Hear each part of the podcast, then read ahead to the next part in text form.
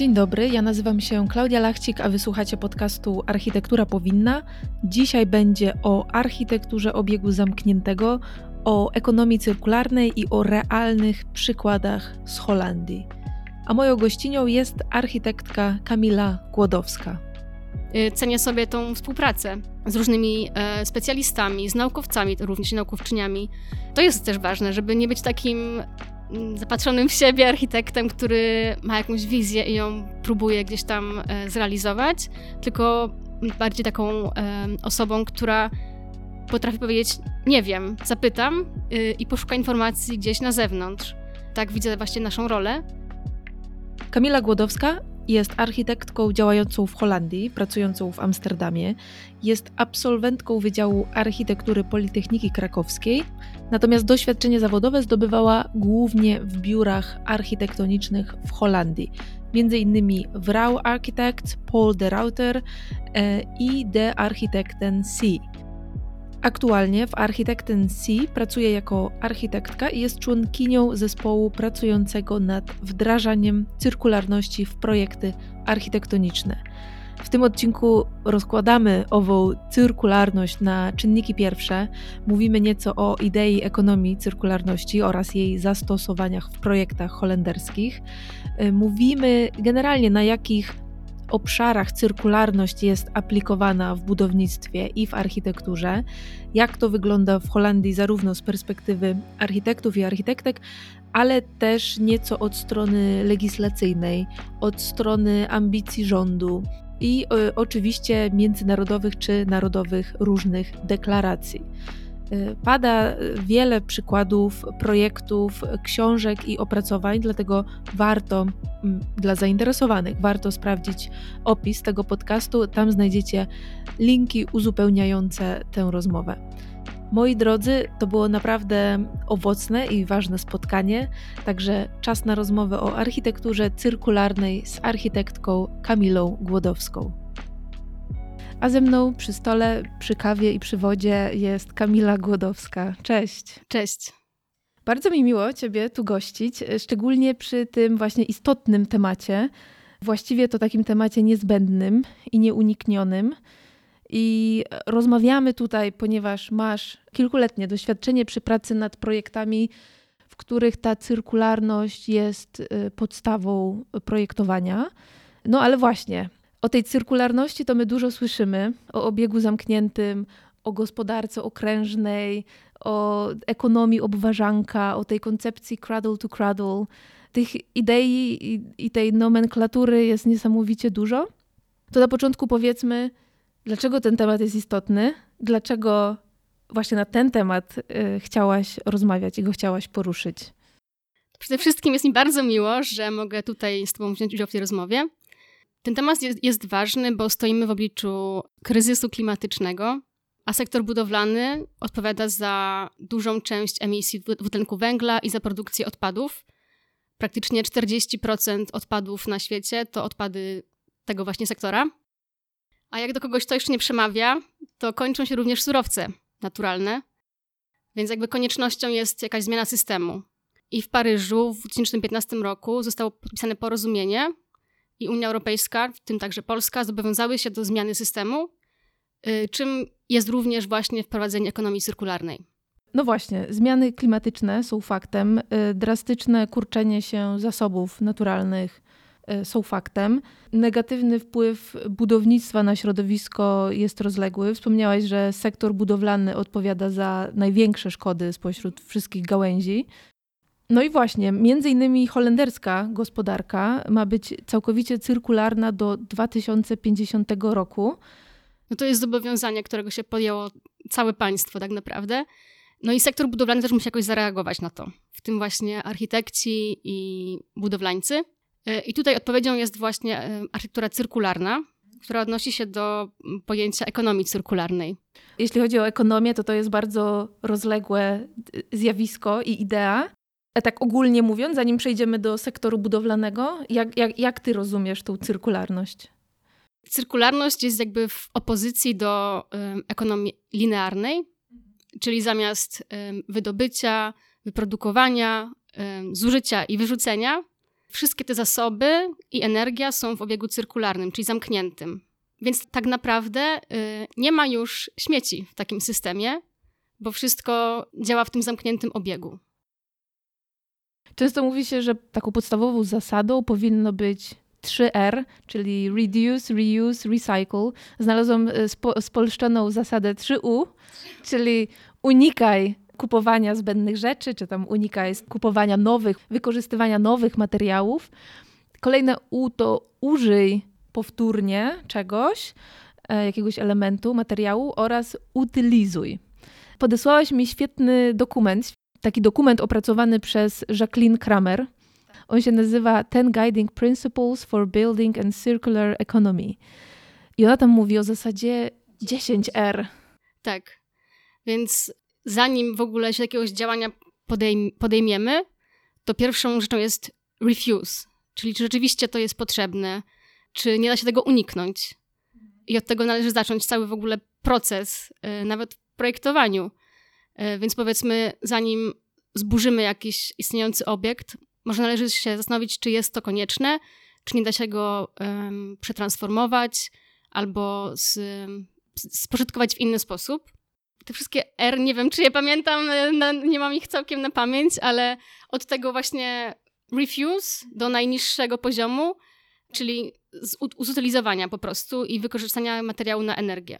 To jest jakby najniższy poziom tego, tych stopni R. I to ma pomóc jakby w takim podjęciu decyzji w trakcie projektowania, ale także w podejmowaniu decyzji generalnie w całym procesie.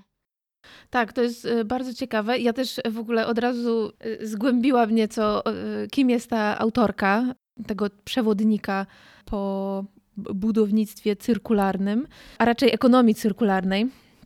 I Jacqueline Kramer jest właśnie naukowczynią, profesorką, byłą polityczką, byłą ministrą w ogóle mieszkalnictwa, planowania przestrzennego i środowiska. Takie ministerstwo istnieje w Holandii.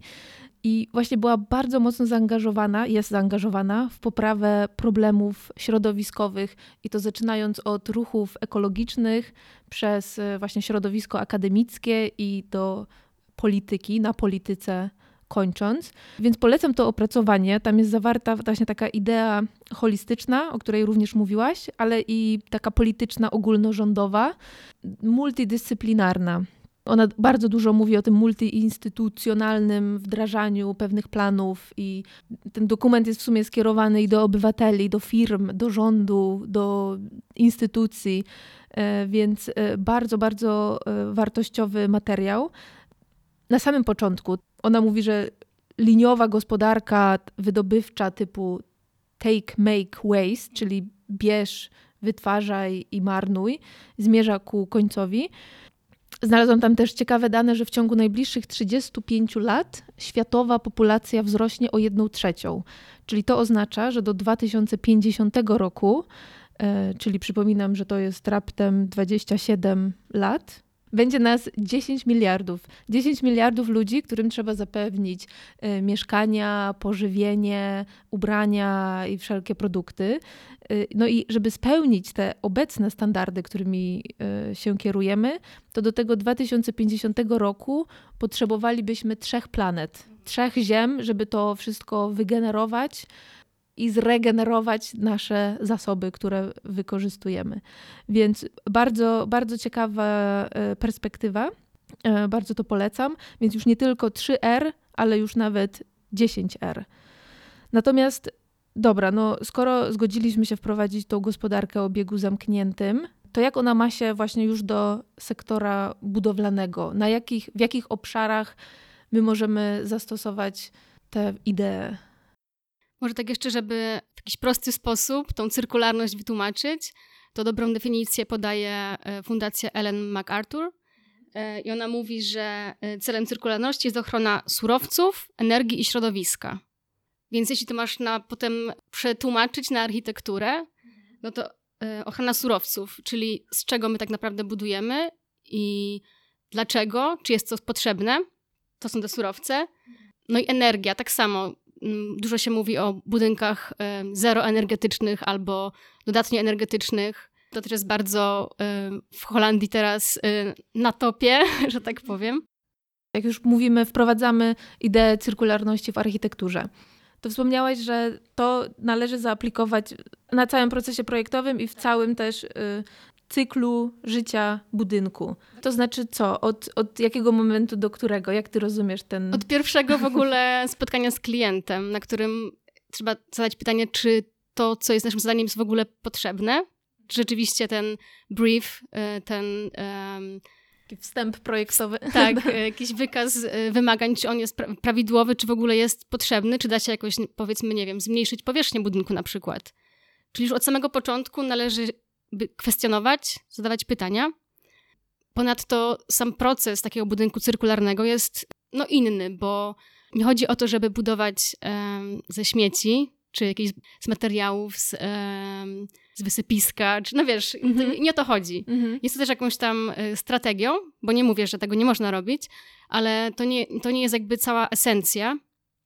Chodzi też bardziej o to, żeby projektować obiekty, które są możliwe do demontażu na przykład. Mhm. I to właśnie warto wspomnieć, że jeśli mówimy o architekturze cyrkularnej, to nie chodzi nam tutaj o jakieś bardzo eksperymentalne, dziwne, śmieciowe pawilony, że to nie jest tak. ciekawostka, to nie jest już eksperyment. Nie.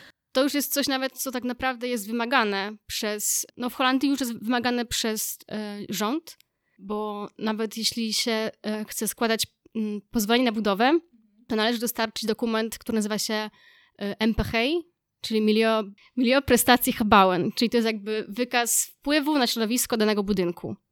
I w tym wykazie ważne jest właśnie to, jakich się używa materiałów. I to jest dosyć skomplikowana y, sprawa, bo na przykład po, można powiedzieć, że nie wiem, drewno jakieś tropikalne ma świetną wytrzymałość, ale z kolei transport takiego drewna do Holandii, no to produkcja dwutlenku węgla. Więc może warto użyć materiału lokalnego, ale wtedy ta wytrzymałość jest niższa. I być może sama produkcja tego materiału wytwarza więcej CO2, ale biorąc pod uwagę transport, czy aplikację tego materiału, czy możliwość demontażu, to już wychodzi lepiej.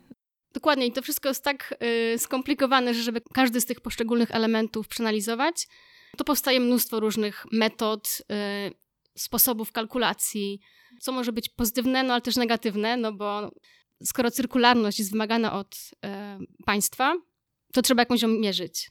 No i teraz powstają różnego typu sposoby mierzalności tej cyrkularności. No i właśnie ten MPH to jest, niekoniecznie chodzi o cyrkularność, ale bardziej o wpływ na środowisko materiałów w budynku.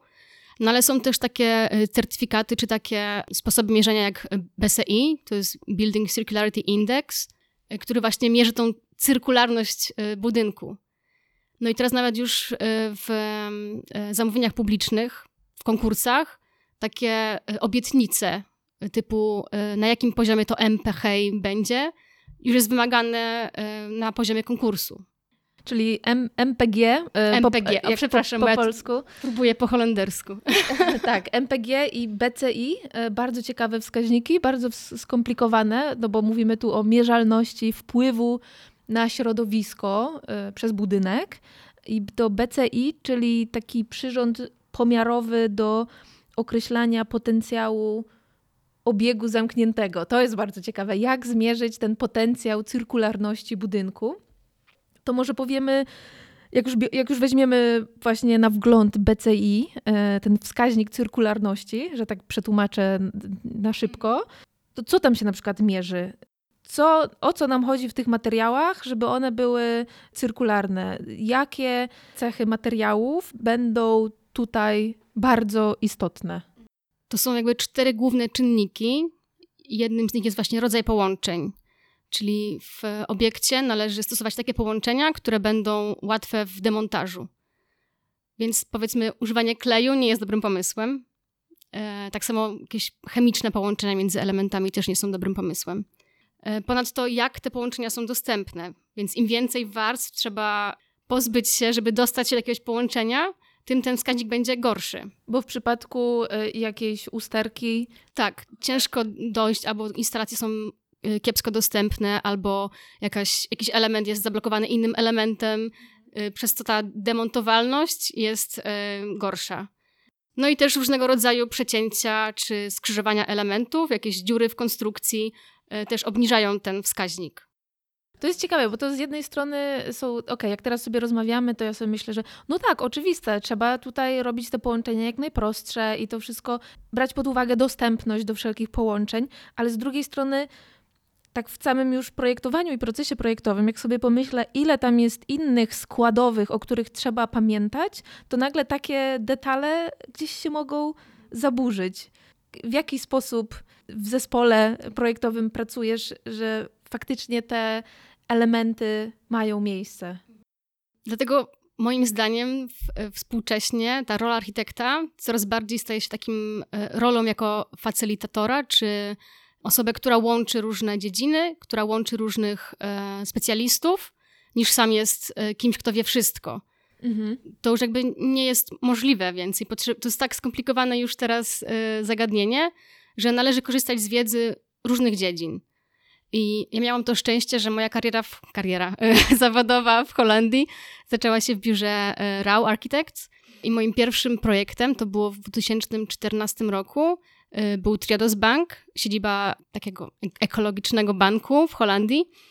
I wtedy, kiedy ja zaczęłam, już budynek był zaprojektowany, ale to był moment, w którym klient chciał przemyśleć konstrukcję i sprawdzić, jak mogłaby ona być bardziej przyjazna środowisku.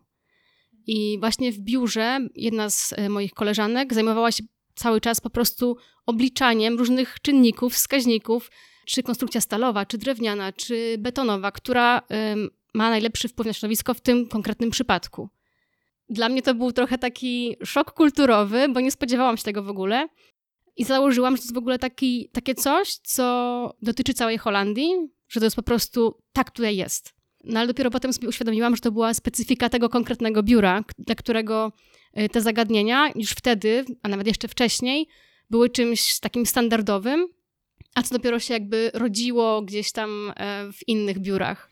Mhm, tak, tutaj fajnie się zatrzymać przy Tomasie Rau, który założył biuro mm, Rau Architects, natomiast jeszcze ze swoją partnerką Sabine Oberhuber założyli firmę Turn2 i z kolei ta druga firma koncentruje się na projektowaniu procesów budowlanych w tym obiegu zamkniętym, czyli wychodzi trochę szerzej, trochę dalej e, niż sam sektor budowlany i, i samo projektowanie budynków. Wspomniałaś też, że Thomas Rau promuje ideę, że budynki są magazynami materiałów. Co to znaczy? Jak ty to rozumiesz? No miałam to szczęście, że udało mi się pracować z Tomasem. I on jest osobą, która jest świetnym inspiratorem, więc wiele z jego takich cytatów krąży po sieci. I właśnie jednym z nich jest e, ten, o którym wspomniałaś, że budynek to magazyn materiałów. Więc to się nie tylko odnosi do budynku, ale w Tomasa filozofii wszystko, co projektujemy, co używamy, jest magazynem materiałów. Czy to jest telefon, czy to jest, nie wiem, kubek, stół, wszystko jest magazynem materiałów i należy to projektować w ten sposób, żeby mogło zostać zdemontowane i przetransformowane na coś innego niekoniecznie tą samą funkcję na przykład. Okej, okay, czyli budynek jest po prostu na przykład dwudziestoletnim, pięćdziesięcioletnim magazynem, nie wiem, betonu, cegły, drewna, ale też instalacji, okien i całego wyposażenia. Dokładnie, tak, tak to w wizji Tomasa wygląda. Mhm. Taka idea zdecydowanie jakby zmienia nam też percepcję budynku, czyli że nie jest to taki produkt stały, na stałe, zatwierdzony w ziemi, y, który ma być właśnie triadą Witruwiusza, no, użyteczny, piękny. No ale ta trwałość może być y, troszkę zredefiniowana, bo to już y, znaczy, że materiały później z budynku mogą się przetransferować gdzieś indziej, do jakichś innych e, budynków, mogą mieć inne zastosowania, co jest bardzo dużą e, wartością. No i ułatwia to recykling budynku, który już się nie sprawdza.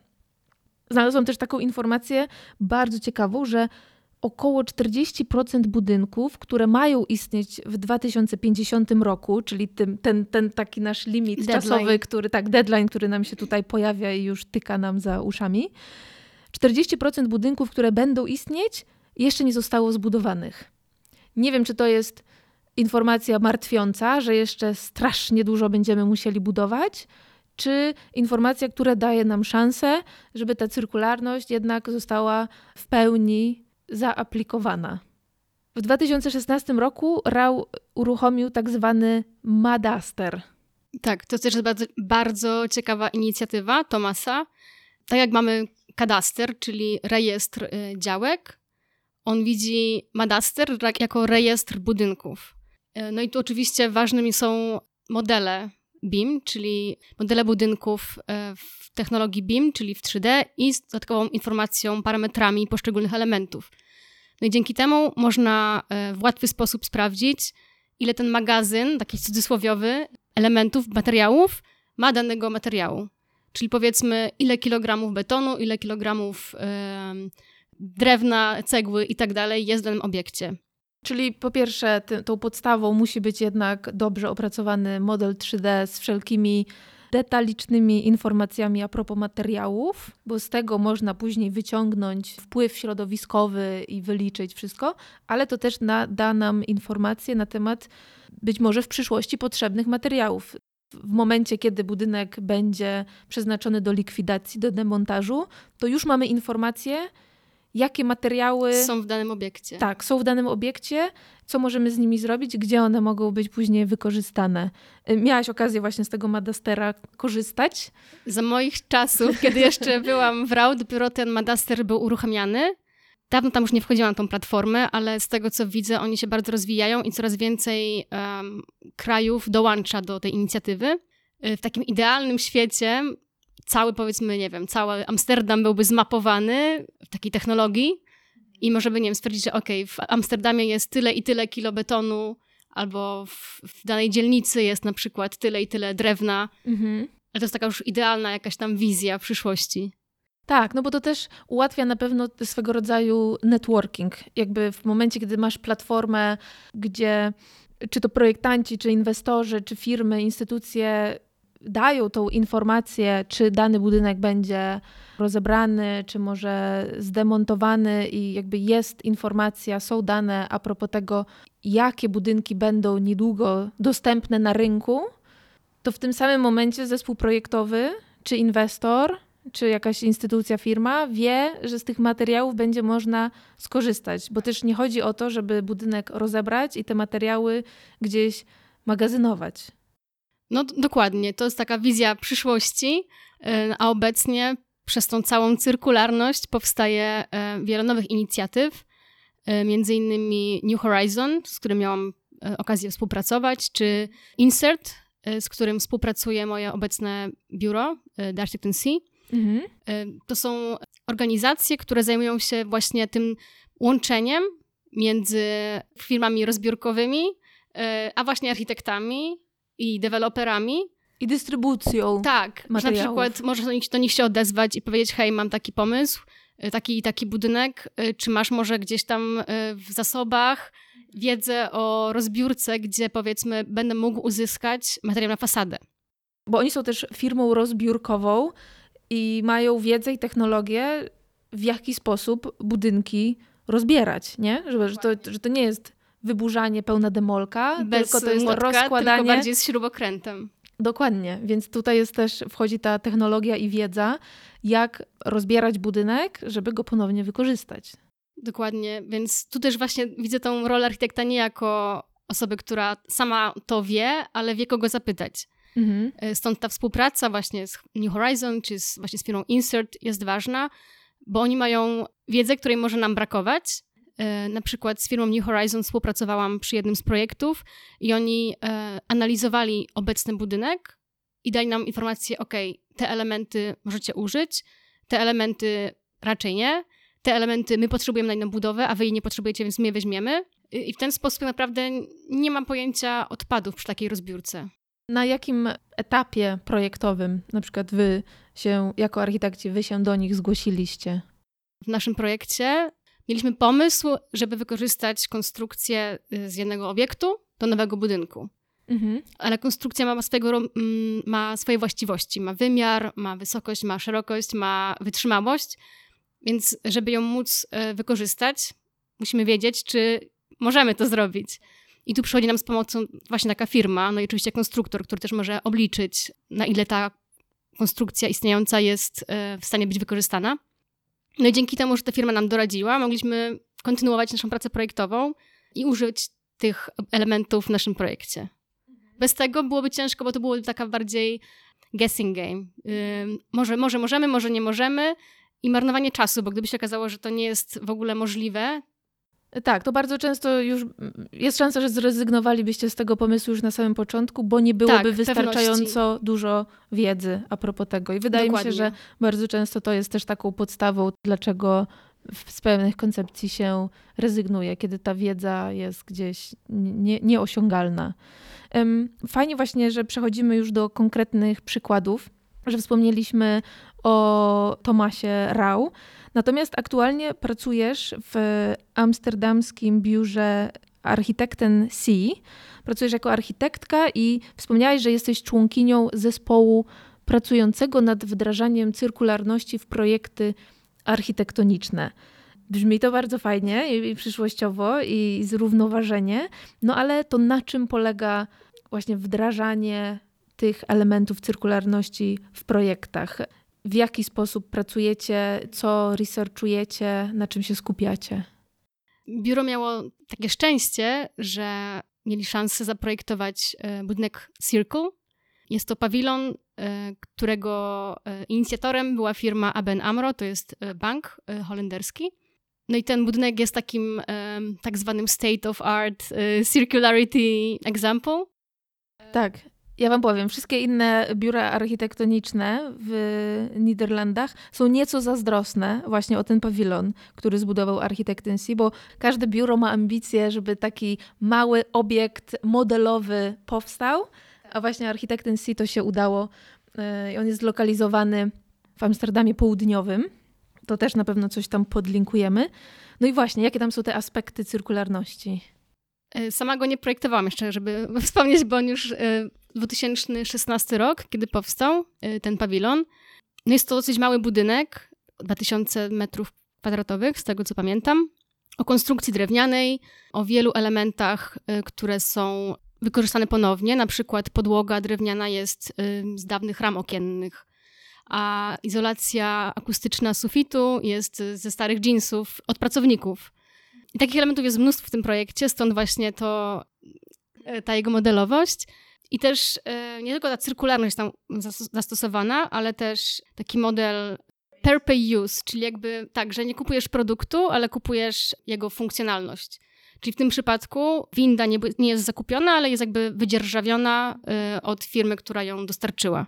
I powiedzmy za ileś tam lat, 10, nie wiem kiedy pawilon się skończy, to windy wracają do, do producenta. producenta. tak, a płatność jest za każdy jakby ruch windy. Więc im mniej się winda rusza, tym się mniej płaci. Stąd też motywacja dla pracowników, żeby jak najwięcej po schodach chodzić. A, ciekawe. No ale ten pawilon jest trzypiętrowy, więc też nie oszukujmy się. Mam nadzieję, że ten rachunek za windy nie wyjdzie za, za duży. I to jest właśnie też bardzo ciekawy aspekt tej architektury cyrkularnej, że elementy budynku mogą być e, dzierżawione, mogą być wynajmowane. To był też e, taki case, wracając do Tomasa Rała, to fajnie o tym wspomnieć jeszcze, a propos Paper Lux.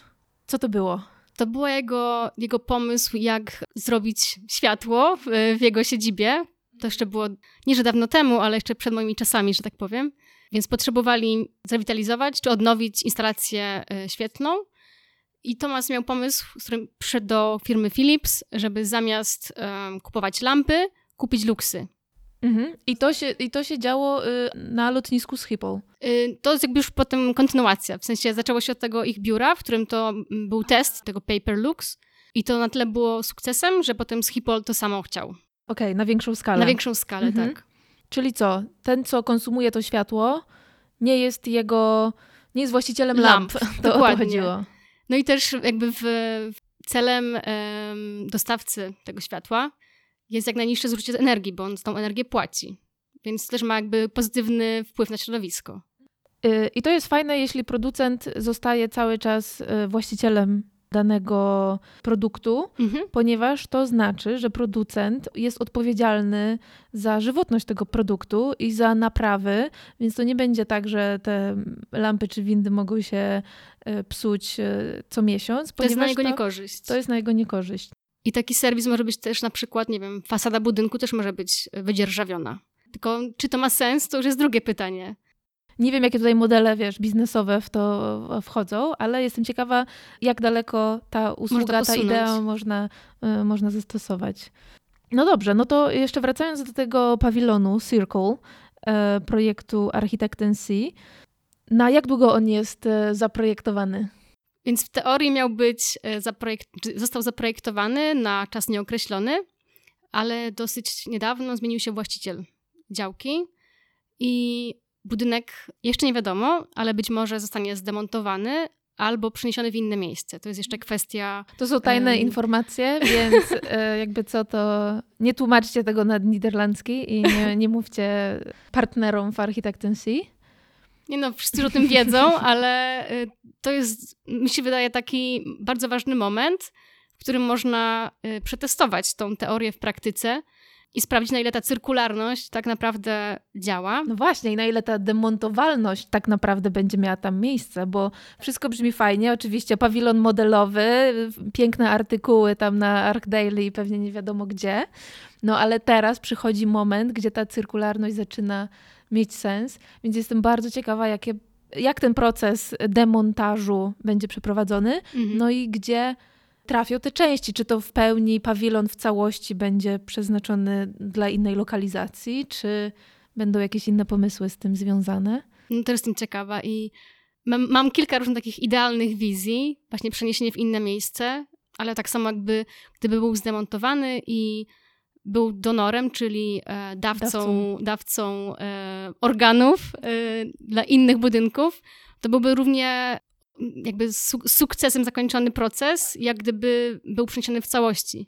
Ale póki co masz jakieś informacje na temat tego, jak ten pawilon się sprawdza w tym momencie, czy przez ostatnie lata? No bo jeśli w izolacji ścian występują jakieś włókna z jeansów pracowników, a, a winda nie jest w posiadaniu właściciela tego budynku. Jakby jest dużo innych takich y, smaczków, właśnie okna, które zostały przeznaczone na podłogę i tak dalej. Wiesz, jak w sumie ten pawilon się sprawuje? Pod tym względem takim e, czysto użytkowym. Czysto użytkowym nie wiem dokładnie, ale wiem, że jest e, dużym sukcesem jego funkcja że to, jak był zaplanowany jako taki katalizator i miejsce spotkań, miejsce wymiany na temat y, ekonomii cyrkularnej, tak najbardziej ma miejsce. Nawet ostatnio podczas tygodnia ekonomii cyrkularnej w Holandii odbyło się bardzo wiele wykładów, dyskusji właśnie w tym pawilonie. Y, rozmawiałam o tym ostatnio z Hansem Hammingiem, architektem, który pracował nad y, Circle i mówił, że to właśnie napawa go dumą, że ten budynek funkcjonuje, że ma sens to, co wymyślili na samym początku i wciąż inspiruje. I to jest dla niego ważne. Tak, tak. Szczególnie, że i, i, i sam pawilon jest taki modelowy i to, co się dzieje w środku też jest w sumie takim, taką modelową funkcją, tak. E, która potwierdza to, o czym ten pawilon e, świadczy. Bardzo ciekawe. No dobra, a y, kolejnym takim przykładem, o którym chciałam tutaj porozmawiać, oprócz Twojej działalności w ramach e, pracowni i biura, no to masz swój projekt poboczny, w którym projektujecie, testujecie też kilka aspektów tego obiegu e, zamkniętego. Czy mogłabyś powiedzieć, czym jest e, ten projekt Food Forest, na czym on polega, jaka jest idea? Miałam też to szczęście, że pracując w RAU Architekten poznałam kolegę, e, nazywa się e, Jochem Alfering i on zaprosił mnie właśnie do współpracy nad tym projektem. To jest e, nie tylko budynek, ale to jest cały właściwie obszar, który zostanie przetransformowany z farmy mlecznej na um, food forest, czyli po polsku um, las żywnościowy. Las żywnościowy. Tak czym, to można... czym, czym to jest? To jest też w opozycji do takiej właśnie monokultury. Taki las żywnościowy to konstrukcja roślin, które same się wzajemnie wspierają do wzrostu. Charakteryzuje się dużą e, bioróżnorodnością. Nie ma tam takich e, rząd, rzędów e, grządek, tylko jest dosyć swobodna struktura, która właśnie wspiera ten wzajemny wzrost roślin. Ale to znaczy, że to jest takie kompletne przemieszanie gatunków, czy też dobór tych gatunków jest jednak pod jakimś Ważny. względem? Dobór gatunków. Nie jestem specjalistą od y, tego tematu, ale z tego, co wiem, z tego, co y, doświadczyłam, ta struktura nie jest tak ważna, y, aczkolwiek holenderska grupa, która zajmuje się tymi lasami żywieniowymi. Wprowadzili strukturę do tego lasu żywnościowego, bo jednak no jest to łatwiejsze w utrzymaniu czy w zbiorze plonów. No i taki las żywnościowy w teorii produkuje więcej żywności niż taka monokultura. Nie wiem, pole kukurydzy może wykarmić mniej ludzi niż to samo, sam, ten sam obszar, ale właśnie z lasem żywnościowym. Okej, okay, okej. Okay. No a architektonicznie? Co, Aha, co architektonicznie, tak. Więc obecnie w ogóle e, sama działka to jest wymarzona działka e, dla każdego chyba, bo zaraz na skraju Parku Narodowego, w pięknych okolicznościach przyrody. Na południu Holandii to jest taka tak zwana holenderska Sahara, ten park narodowy. No i nasz budynek jest zaraz na skraju, więc w teorii mamy zamiar też e, zainteresować e, turystów i cały ten kompleks ma właśnie inspirować również do zmiany naszego systemu, a sam budynek będzie w sobie e, mieścił sklep, centrum informacyjne i restaurację. Czy restauracja to jest duże słowo, bardziej coś w rodzaju takiej wspólnej kuchni. Dodatkowo jeszcze będą miejsca do pracy, dla artystów na przykład i dwa domy dla osób, które będą się zajmowały tym całym kompleksem. Mm, Okej, okay. i to są już budynki istniejące, czy to będą nowe budynki? To będą nowe budynki, ale właśnie powstaną y, przy pomocy materiałów uzyskanych z budynków dawców, a tymi budynkami dawcami są obecne na działce stodoły, w których poprzednio przetrzymywano, przetrzymywano to może złe, chociaż może też dobre słowo, przetrzymywano krowy jakby tu idea adaptacji tych budynków nie wchodziła w grę, bo one nie odpowiadają nie nowym funkcjom. Tak, nie odpowiadały swojej funkcji. Jakby nie, nie miało to sensu. Mieliśmy taką, taki pomysł, ale nie byłyby dobrze doświetlone. Lepiej było po prostu je zdemontować. Y, ale mimo wszystko podjęliśmy decyzję, że nie budujemy więcej niż demontujemy. Czyli powierzchnia tego, co zdemontowaliśmy, y, równa się powierzchni tego, co budujemy. Okej. Okay. I przy tej e, okazji mieliście, tak jak wspomniałaś, mieliście okazję współpracować z New Horizon, czyli oni wam doradzali, na ile pewne części, pewne materiały, elementy budynku możecie zaaplikować gdzieś tak, indziej. No dokładnie. ale też y, mówisz, że być może dawcami materiałów będą inne firmy, instytucje, które wy zaaplikujecie. Jak wygląda ten proces właśnie? Jak być biorcą? Uwielbiam tą nomenklaturę medyczną, mm. która wchodzi do architektury. Jak y, być biorcą tych materiałów, element, elementów od y, dawcy? Akurat w tym przypadku nie mamy żadnych y, dawców. Postanowiliśmy, że wykorzystamy materiały, które są na działce, a to, co będzie nowe, to będzie e, pochodzenia biologicznego. I naszym też taką e, ideą było stosowanie jak najmniejszej ilości elementów. Czyli konstrukcja jest na widoku, nic nie przykrywamy. Tak samo ściany zewnętrzne, to jest, nie wiem, czy kojarzysz taki materiał beton konopny? Mhm, kojarzę, To jest kojarzę. w ogóle materiał przyszłości, jednowarstwowy element, który może pełnić funkcję izolacji, jest paroprzepuszczalny, także ma ogromne możliwości tak naprawdę, tylko tyle, że nie jest mm, materiałem konstrukcyjnym, nośnym. Mhm, tak, to prawda. Ale jako wypełniacz e, ścian. Tak. Yy, tak. No okej, okay. a jakie jeszcze inne materiały chcecie zastosować? Konstrukcja jest drewniana, no i oczywiście korzystamy też z konstrukcji od dawcy, z tej samej działki. E, dzięki temu nie potrzebujemy e, żadnego transportu tak naprawdę tej konstrukcji, a nowa konstrukcja jest tylko jakby wsparciem tej konstrukcji od dawcy. Ale czy masz też takie wrażenie, że. Znaczy, jestem ciekawa, na ile to y, regulacje prawne i świadomość i edukacja wpłynęła na możliwość y, projektowania i rozwijania tego projektu, o którym mhm. mówisz, a na ile to jest specyficzny rodzaj inwestora i klienta, który się do Was zgłosił? No to chyba to drugie, bo mamy duże szczęście, że nasz inwestor jest bardziej zaangażowany w całą ideę cyrkularności i zmiany w systemie właśnie też żywności mhm. yy, niż my. No tak, nawet funkcja, która tam tak. będzie, już świadczy o tym, że ta cyrkularność jest nie tylko w architekturze, ale już w samym funkcjonowaniu obiektu. Tak, dokładnie. I też zagadnienia y, społeczne są tam bardzo ważne. Y, my jako architekci tylko dodajemy ten, jakiś, taką drobną, drobne ziarenko jakiejś naszej wiedzy, ale tak naprawdę cała idea to jest po prostu klient, który jest wymarzonym klientem dla każdego chyba architekta, że nie ma rzeczy niemożliwych po prostu z takim klientem. No i tutaj generalnie wydaje mi się, że w Holandii mamy duże szczęście do klientów. y, że rzadko kiedy słyszymy nie, jeśli chodzi o e, takie innowacyjne rozwiązania, y, choć też nie jest reguła, bo wiadomo, y, bardziej korporacyjni czy deweloperzy, dla nich im bardziej do nich przemawiają liczby, stąd właśnie te wszystkie BCI czy te inne wskaźniki są ważne.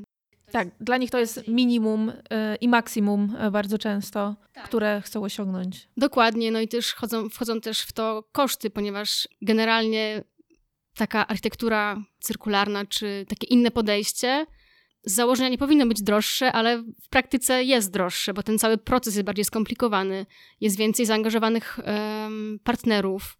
Taki New Horizon też musi być e, jakoś zakontraktowany. No i stąd te koszty się jakby rosną, rosną, rosną, więc nie zawsze każdy klient jest otwarty na to i często już z góry może powiedzieć, nie, po co się w ogóle w to mieszać. Ale tu przychodzi z kolei na pomoc cały system w Holandii, bo rząd stara się wspierać takie inicjatywy przez właśnie jakieś ulgi podatkowe czy dodatki do budynków, które stosują materiały naturalne. Tego jest całkiem sporo i dzięki temu to jakoś stymuluje tą, to budownictwo cyrkularne. Tego może jeszcze w Polsce brakuje, chociaż ja sama trochę nie do końca mam praktykę w Polsce, więc może tu się mylę.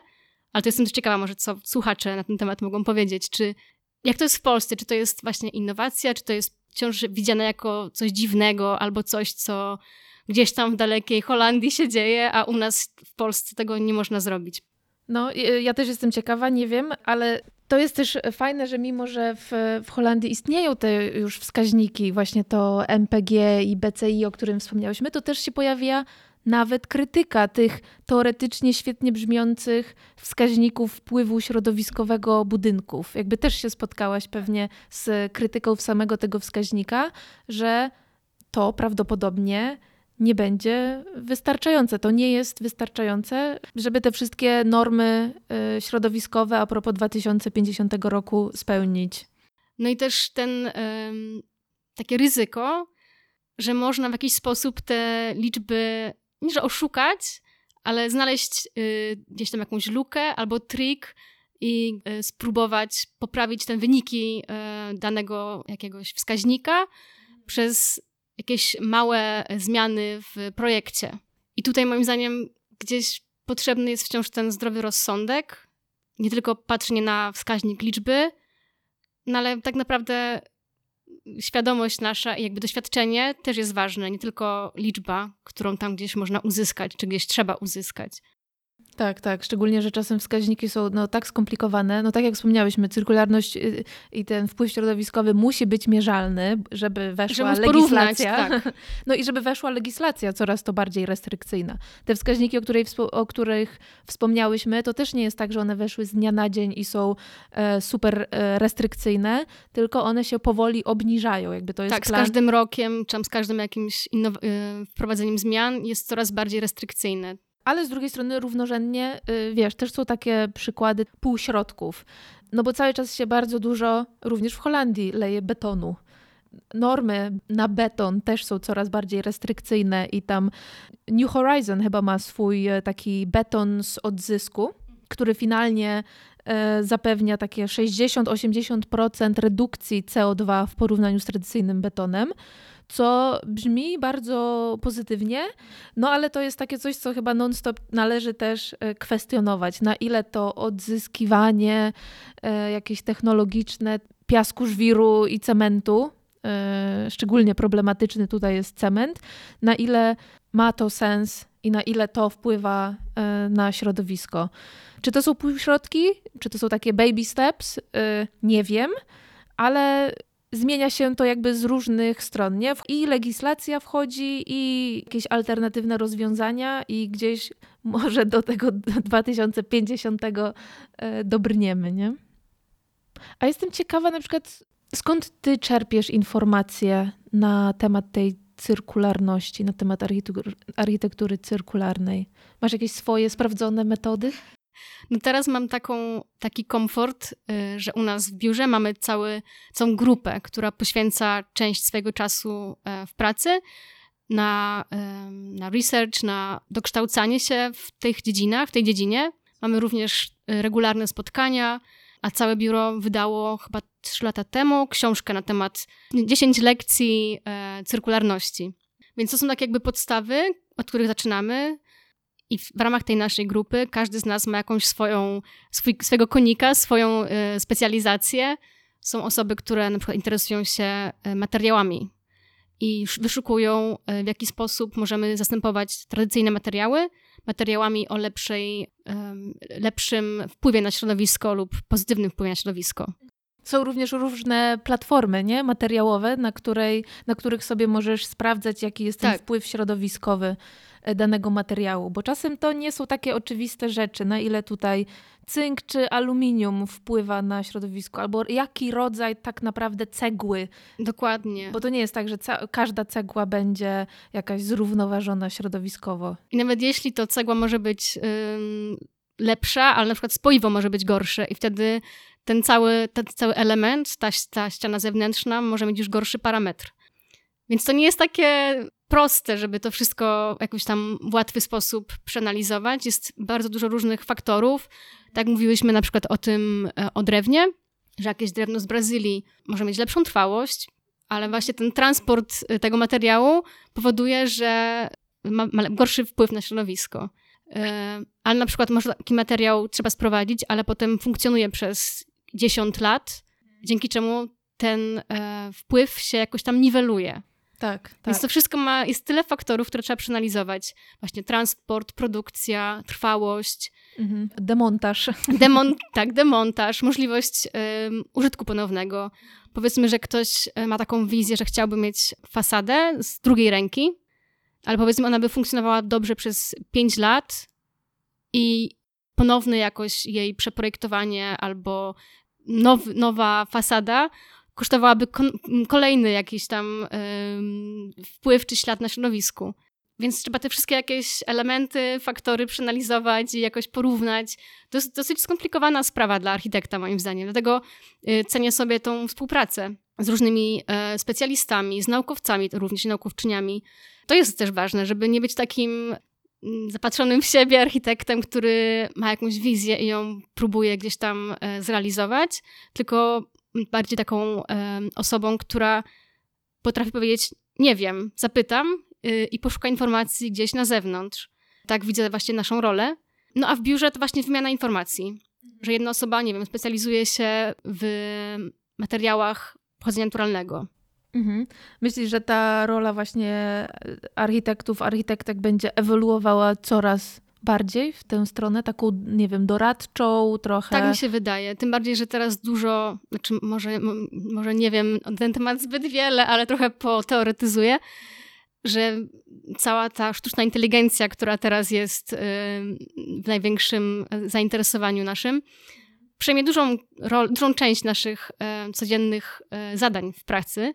I jeśli chcemy jakoś też się utrzymać gdzieś w, w tym całym środowisku, musimy naszą rolę też trochę przedefiniować. Już nie będziemy pewnie robić miliona opcji y, rzutu jakiegoś, tylko będziemy bardziej tą taką ludzką stroną procesu, która właśnie łączy dziedziny, łączy różnych ludzi, użytkowników y, z projektantami.